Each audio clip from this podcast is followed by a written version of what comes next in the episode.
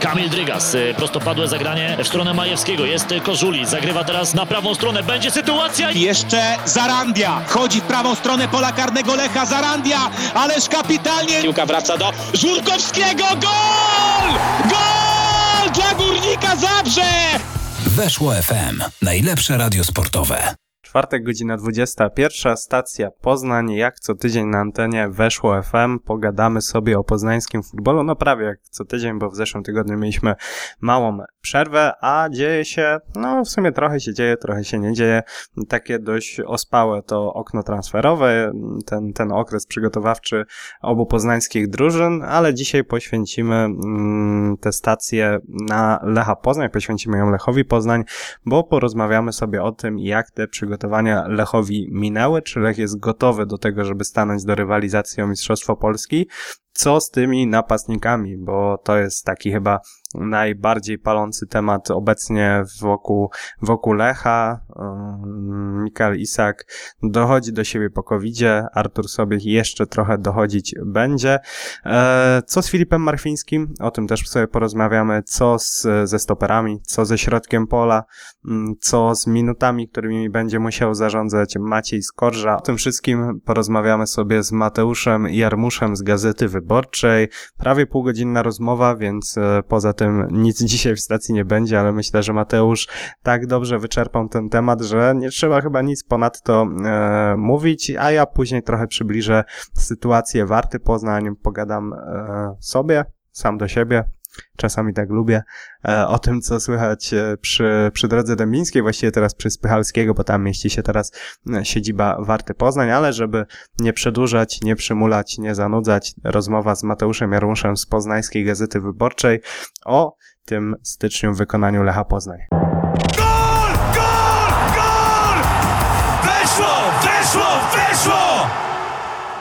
Mateusz Jarmusz z Poznańskiej Gazety Wyborczej z nami. Dzień dobry Mateuszu. Dzień dobry Damianie. E, Słuchaj, Lech tak dość zgrabnie przebrnął przez te zimowe sparingi, choć jak mawiał Orest Lęczyk, kto ma formę teraz, ten ma problem, ale przypuszczam, że oglądałeś te wszystkie mecze towarzyskie Lecha, te, które były dostępne i jak tak ogarnąłeś sobie swoim wzrokiem te, te wszystkie spotkania, to co najbardziej rzuciło ci się w oczy? Jaki taki pierwszy wniosek po tych, po tych zimowych przekona- przygotowaniach e, ci się nasuwa do głowy?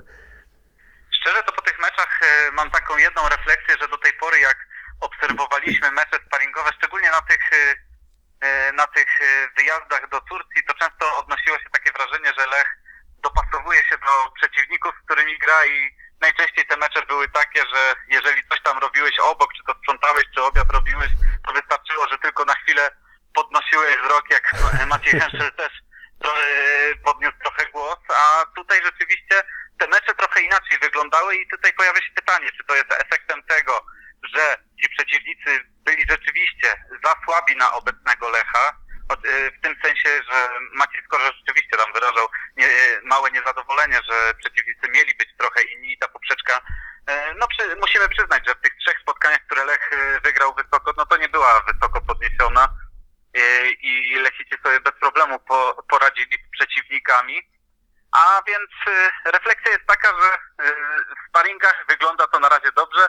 Zobaczymy, czy y, mistrzów mniejszych europejskich krajów można przenieść na zimowy y, wieczór w, Krak- y, w Krakowie na stadionie Krakowi. Ja, mi się podobały zawsze te godziny rozgrywania tych spotkań, bo to były takie idealne godziny właśnie do podkurzania chaty, do pozmywania, już powoli można było obiad robić. Idealne, idealne godziny były tych spotkań, ale mm, słuchaj, e, no, dość ważna, dość ważna taka informacja, dość ważny przekaz tych przygotowań jest taki, że Lech ma dość pro, poważny problem, nawet nie tyle z napastnikiem, co z, napis, z napastnikami. E, Mikael Iszak, no, dość powoli dochodzi do siebie po tym przejściu koronawirusa.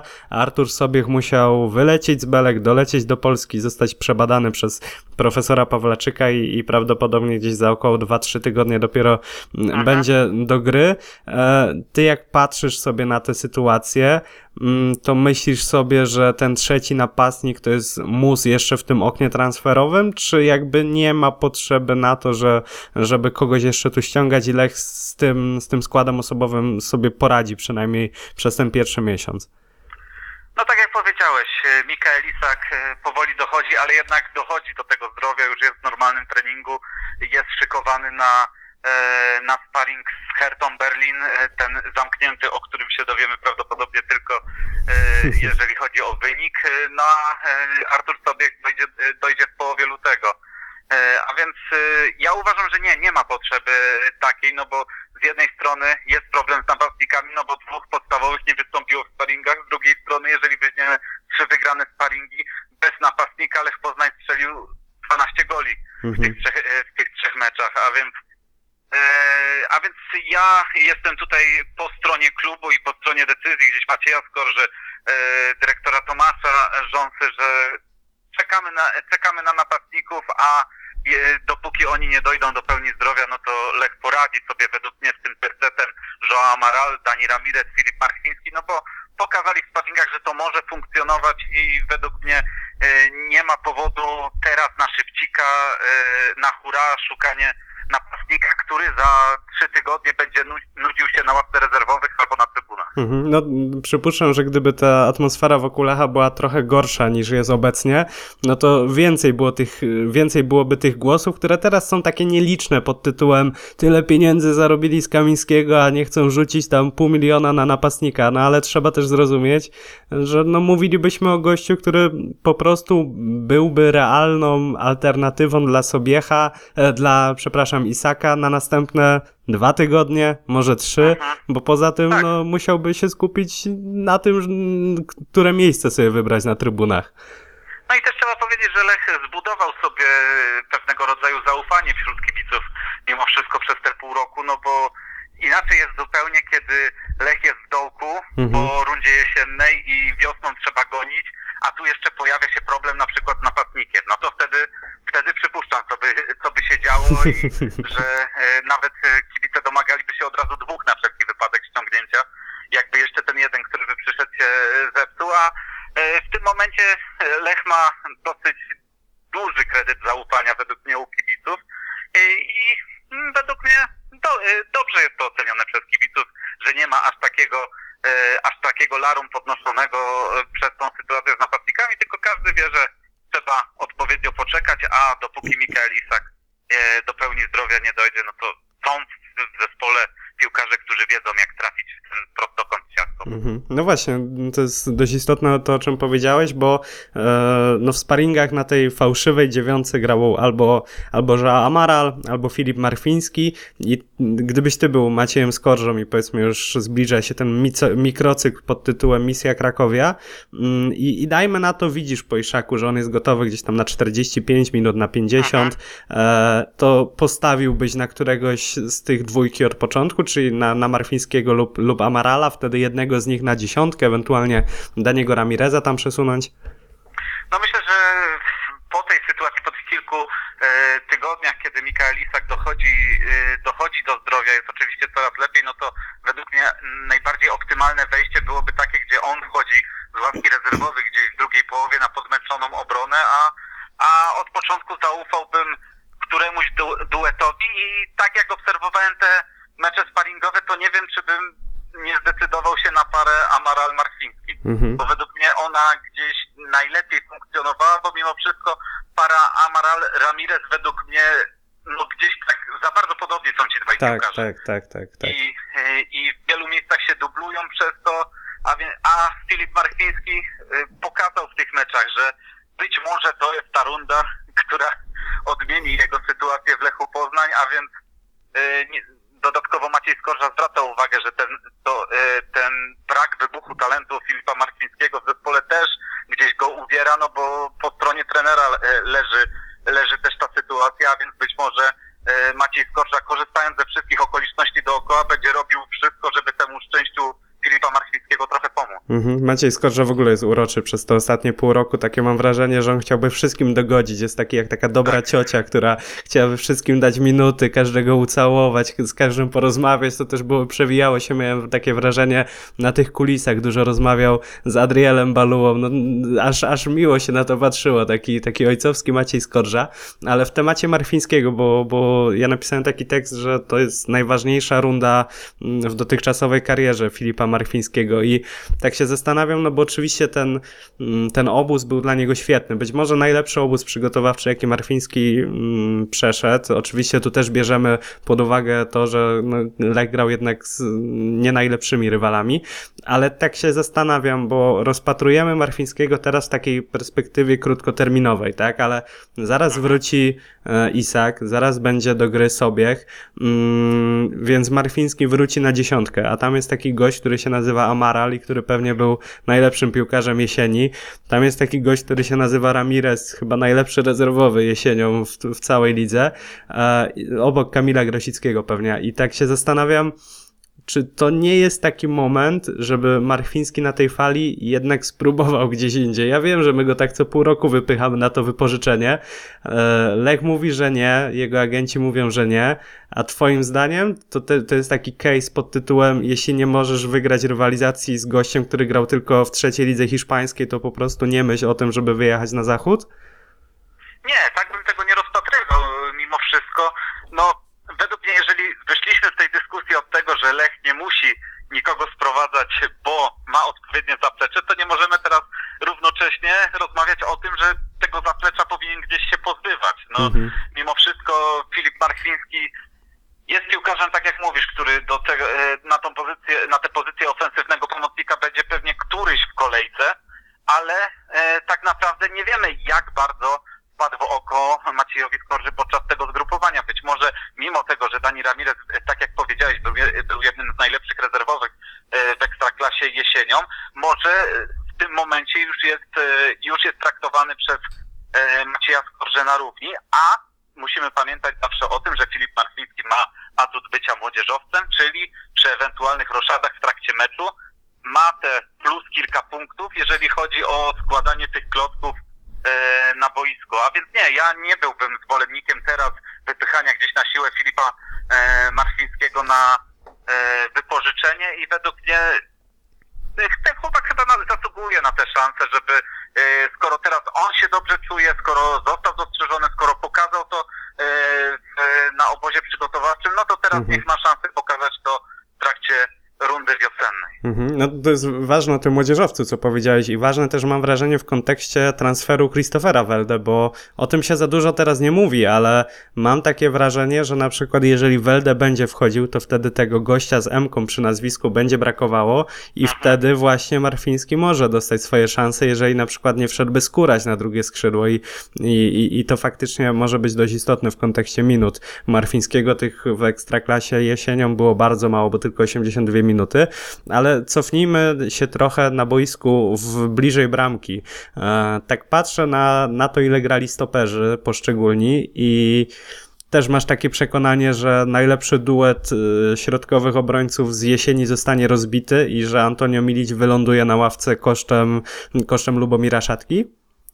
No, takie wrażenie też odebrałem po e, meczach sparingowych. Na, pe- na Mhm. pewno odebrałem wrażenie, że gdzieś, e, jeżeli uważaliśmy, że pozycja Lubomira Szatki w tych ostatnich e, dwóch miesiącach gdzieś e, e, jesieni e, spadła, Mhm. no to mecze sparingowe pokazały, że Lubomir Szatka jest cały czas e, w planach Macieja Skorży i nawet na wysokim miejscu.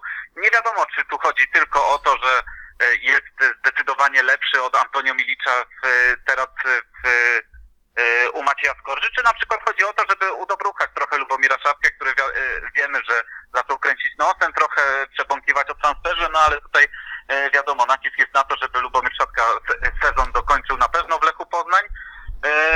No ja osobiście bardzo, bardzo cenię Lubomira Szapkę i według mnie, mimo że, mimo że duet Salamon-Milic nie popełniał błędów, grał dobrze, grał skutecznie Mhm. e, w obronie, to mimo wszystko cały czas z tyłu głowy miałem to, że jakich my czasów do- dożyliśmy w Lechu Poznań, że taki piłkarz jak Lubomir Szatka marnuje się na e, ławce rezerwowych i e, po tych meczach sparingowych, po tym jak próbował Maciej Skorża tego ustawienia bloku obronnego, też mam takie wrażenie, że chyba Lubomir Szatka wróci do ław. Mhm. No, to też jest w sensie, jeśli chodzi o szatkę w tej ostatniej fazie jesieni, trzeba pamiętać też o tym, że on po prostu mało grał, bo był też zajechany. No, on właśnie nie miał urlopu, e, miał to, to euro w nogach i, i być może to się też odkładało w formie. Natomiast no ja też wydaje mi się, że tutaj Salamon z, z szatką, jeśli weźmiemy taką sumę umiejętności, to on wypada najlepiej, ale, ale faktycznie nawet jak ten Milić usiądzie na ławce, no to przypuszczam, że to będzie sytuacja jak z Ramirezem, czyli jeden z lepszych Aha. rezerwowych po prostu na swojej pozycji w lidze siada na ławce, ale, ale co do tych minut, to policzyłem sobie te minuty, mm, oczywiście wyłączając tutaj ten, ten sparring dzisiejszy i, i trochę byłem zaskoczony, że najwięcej minut na, podczas całych przygotowań dostał Radosław Murawski i ty wyobrażasz sobie, że na przykład Murawski na mecz z Krakowią wychodzi w pierwszym składzie? Byłbyś zaskoczony takim obrotem spraw?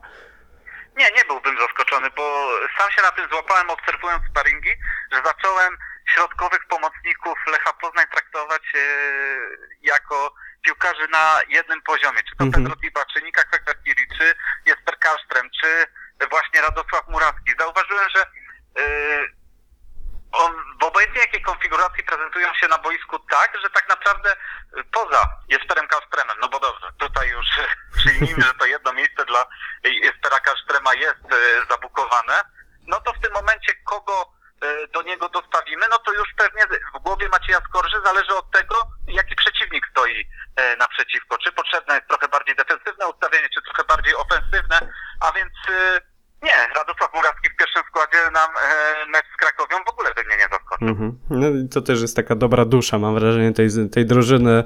Dużo pozytywnych głosów, jeśli chodzi o jego zachowanie w szatni. Taki... No to od początku było, kiedy się pojawił, wszyscy mówili, że to e, był tydzień w szatni, a już było słychać głosy, że to jest materiał nawet na kapitana zespołu tak. No tak, tak, tak. Plus te strzały z dystansu. Mam wrażenie, że żaden zawodnik tak nie słucha tych poleceń Skorży o tym, że trzeba trochę podkręcić tę te, częstotliwość strzałów z dystansu. Nie, nie spodziewam się tylu goli z dystansu, co strzelił chociażby Jakub Moder, ale, ale widać, że siedzi. Zresztą to też było widać jesienią. Miałem takie wrażenie, że, że jeśli ktoś próbował tych uderzeń za szesnastki, to i, i trafiał w bramkę, bo na przykład Tiba dość często próbuje, ale, ale on raczej okopuje trybunę i, i, i te łapacze siatkowe, to, to właśnie Murawski, właśnie Murawski robił to często i celnie. A, a tak cię podpytam o, o takiego pana, który wzmocnił Lecha. Inaczej, dołączył, zobaczymy czy wzmocni. Christopher Welde, twoim zdaniem to jest raczej te, te pół roku łapania minut, wchodzenia z ławki za Kamińskiego, czy może wchodzenie od pierwszej minuty i wygranie rywalizacji z Baluą? Gdzie ty go widzisz? Mm, W jakiej roli ju- już teraz podczas rundy wiosennej? Znamy go tylko na tego, e, tych fragmentów właściwie sparingów, w których on e, występował. No i od razu możemy sobie powiedzieć, że na pewno nie było to takie wejście, że e, można było chwycić się za głowę o matko, jakiego piłkarza Lech Poznań wyciągnął. Mhm. A więc myślę, że raczej to będzie sytuacja, kiedy Welde będzie szukał tego miejsca w zespole poprzez wchodzenie właśnie z ławki rezerwowych i dopóki Adriel Balua będzie zdrowy, to myślę, że on będzie mimo wszystko pierwszym wyborem. No wiemy, że tam lekko, lekkie przemęczenie było w trakcie, e, w trakcie obozu, nie występował w meczach sparingowych, no ale wszystko, e, wszystko idzie ku, e, ku lepszemu, a więc przypuszczam, że to mimo wszystko Adriel Balua będzie e, w podstawowym składzie Lecha Poznań, chociaż Maciej Skorze już po, e, pokazał kilka razy, że lubi zaskoczyć i, i że widzi trochę więcej niż my, a więc e, przekonamy się tak naprawdę dopiero na e, kilka minut przed meczem. Mhm. Zawsze, gdy przychodzi ten styczeń luty, to, to po głowie krążą mi też takie pytania, takie zagwozdki dotyczące transferów. Tylko, wiesz, to jest trochę tak, że ja teraz odpalam kadrę Lecha Poznań, wizualizuję sobie skład i nawet nie wiem, gdzie ten Lech miałby się wzmocnić. To znaczy, oczywiście możemy mówić o napastniku i tutaj ta pozycja nasuwa nam się od razu, tylko wyjaśniliśmy już te kwestie, że no tu raczej nie ma się czego spodziewać, chociaż Lech tam na transfer roomie, czyli na tym futbolowym Tinderze e, założył profil i, i, i określił dość wyraźnie swoje wymagania. Jak kiedyś Piotr Rutkowski powiedział, Lech Poznań napastników napastnika szuka zawsze. Tak, tak. Nawet jak ma takiego pana w ataku jak Iszak, nawet jak ma rozwijającego się dobrze Filipa e, Szymczaka. No, ale szukam kolejnych pozycji i, i może ty mi podpowiesz, czy Lech ma jeszcze jakieś braki do uzupełnienia? Być może teraz, być może trochę jak z Welde, przygotować się pod przyszłość. Ty widzisz jakąś taką pozycję, gdzie, gdzie Tomasz Rząsa, Jacek Terpiłowski i, i ich ludzie powinni jeszcze mocniej się tej, tej zimy porozglądać? No jeżeli przyjrzymy się e, składowi, no to oczywiście multum kibiców podniosłoby od razu ręce. Bramkarz, No bramkarz. ale jaka jest sytuacja z bramką, dobrze wiemy. Mhm. E, Plan Lech Poznań ma dokładnie rozpisany na tę pozycję, a więc mimo, że kibice bardzo by chcieli e, sprowadzenia dobrego jakościowo bramkarza, no to nie wydarzy się to. E, Patrzymy dalej, środek obrony, dopiero powiedzieliśmy niedawno, że trójka, trójka środkowych obrońców, którzy e, łapaliby się, e, przypuszczam, do top 5, top 10 na pewno Mhm. e, w ekstraklasie. No ale równocześnie e, wspomniałem o tym wcześniej, że Lubomir Szatka prawdopodobnie będzie szykował się do transferu po zakończeniu sezonu, a więc jedną z takich pozycji jest e, środek obrony i zresztą wiemy, że po odejściu Tomasa Rodnelech e, robi cały czas e, kroki w tym, kie- e, w tym kierunku, tylko e, tutaj jest właśnie zagwozdka dla Lecha Poznań, jak zagrać w tej sytuacji, no bo jeżeli teraz ściągnęliby e, Kozaka na środek obrony, no to przez pół roku mają czterech kozaków i dwóch kozaków jest niezadowolonych. Mhm. No niestety, y, zespół e, piłkarski to jest, żywy, to jest żywy organizm, na którym trzeba bardzo delikatnie pracować, bo jeżeli rozmawiamy o wzmocnieniach, no to oczywiście o wzmocnieniach można zawsze e, zawsze rozmawiać, ale myślę, że one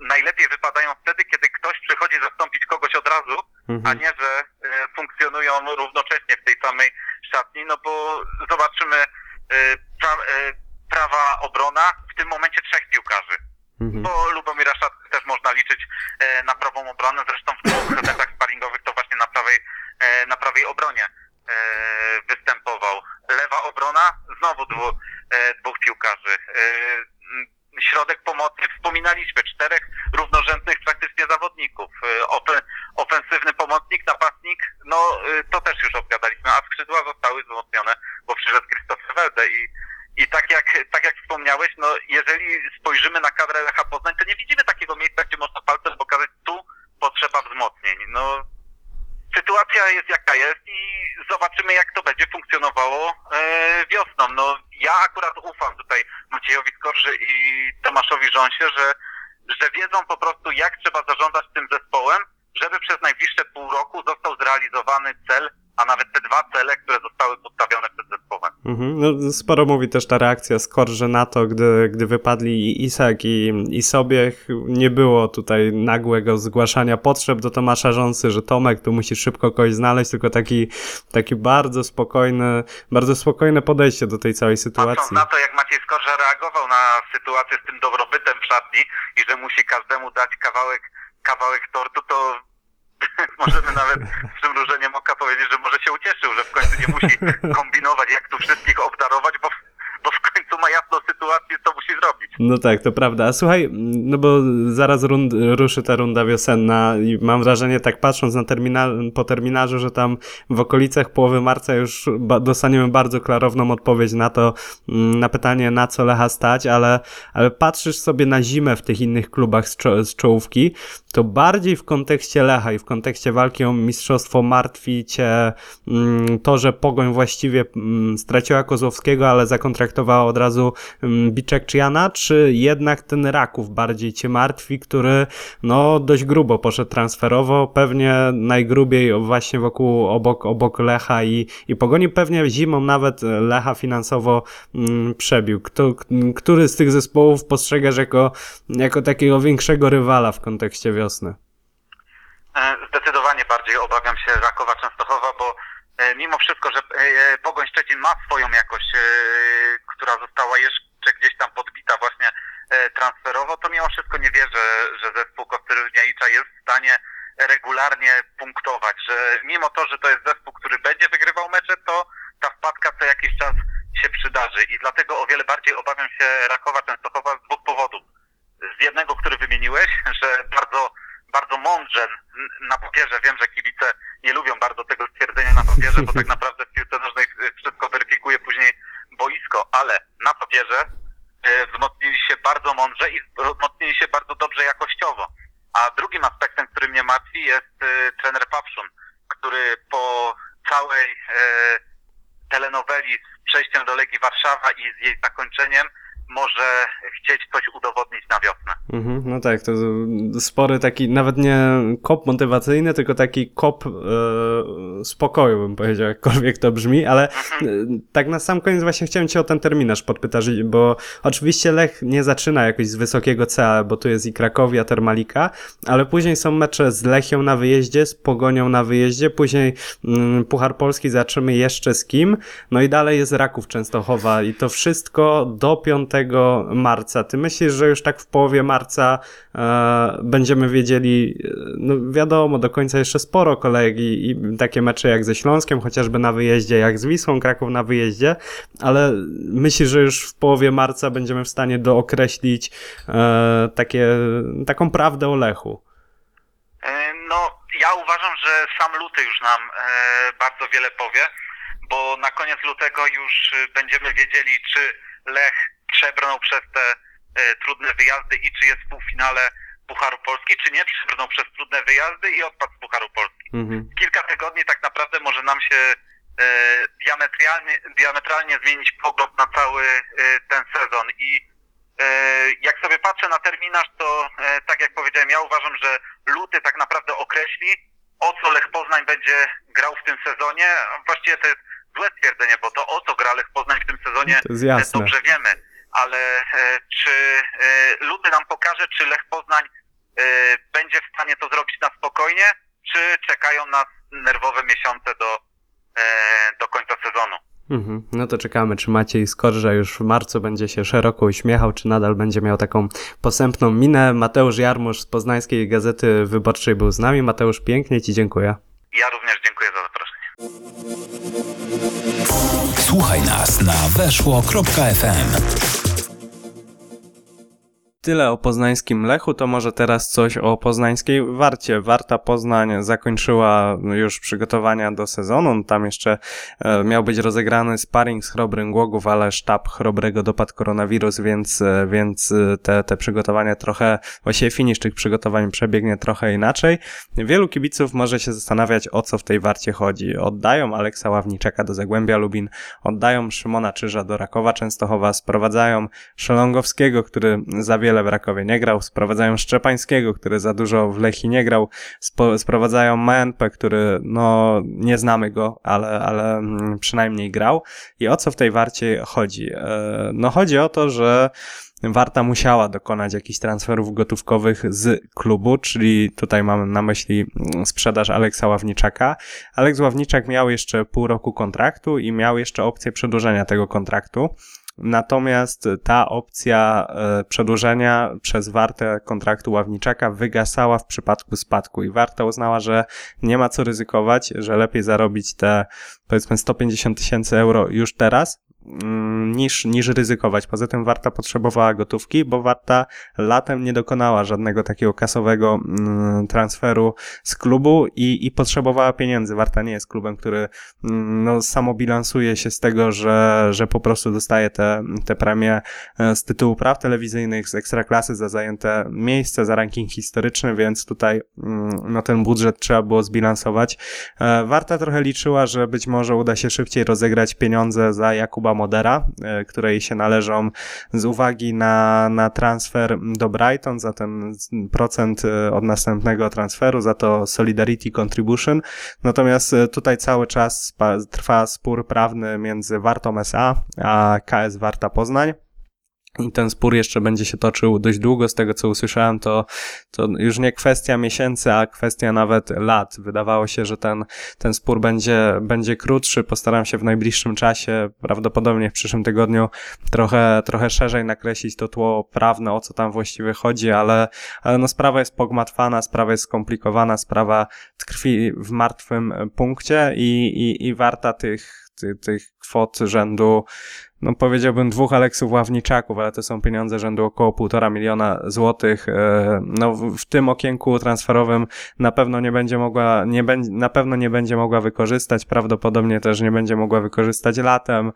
Może, może zimą przyszłego roku, ale a tutaj też stoi znak zapytania. No ale Warta e, wzmacnia środek pola, to znaczy Warta przebudowuje ten środek pola i w Warcie jest takie przekonanie, że tych zawodników, czyli Szczepański i Szelongowski, których sprowadziła, oni będą lepiej pasować do modelu gry Dawida Szulczka. Czy tak będzie? No mam wrażenie, że na przykład taki Szelongowski jest lepszym wyborem e, do tej koncepcji taktycznej e, niż, niż Szymon Czyż i, i może lepiej się odnaleźć jako ta jedna z dziesiątek.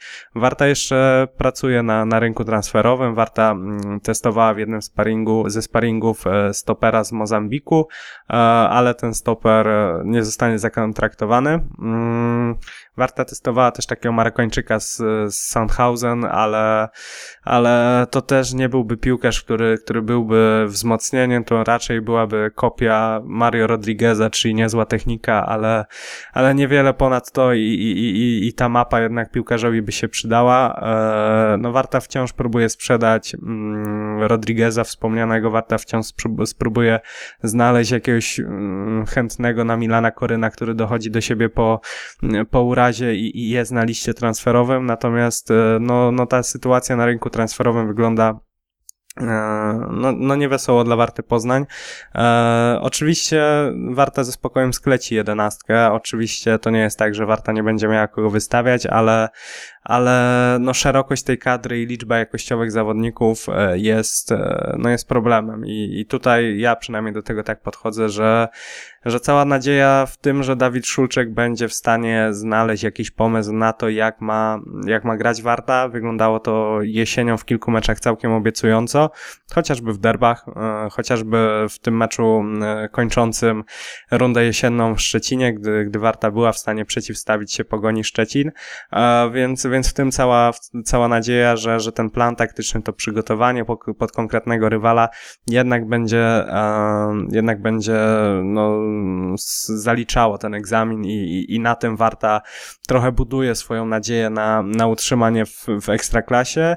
No tylko trzeba dobrze wystartować. Tutaj e, pewnie porozmawiamy sobie to mm, trochę o tym szerzej za tydzień, ale, ale Warta zaczyna od meczu z Górnikiem Łęczna i, i mam wrażenie, że po tym meczu już, już będzie wiadomo, w, którym, w którą stronę to idzie. Oczywiście okienko się nie, nie zamyka, okienko prawdy dla Warty Poznań wciąż trwa. Jeszcze, jeszcze w lutym, gdy te niektóre rynki transferowe się zamykają, gdy piłkarze mm, z kartą na ręku są coraz pod większą presją, sprawi, że, że Warta będzie miała trochę więcej opcji, no ale tu mm, wracamy do punktu wyjścia tego, o czym mówiłem, czyli, czyli pieniądze I, i to, czy Warta te pieniądze znajdzie. Mam wrażenie, że trochę więcej o Warcie Poznań, tak, tak z gościem, z kimś, e, może nawet z klubu, e, pomówimy sobie za tydzień. O Lechu Poznań było prawie pół godziny, więc, więc myślę, że to, to w kontekście Lecha wystarczy. Zatem kończąc tę stację, słyszymy się za tydzień. To była stacja Poznań. Damian Smyk, kłaniam się i do usłyszenia. Słuchasz Weszło FM.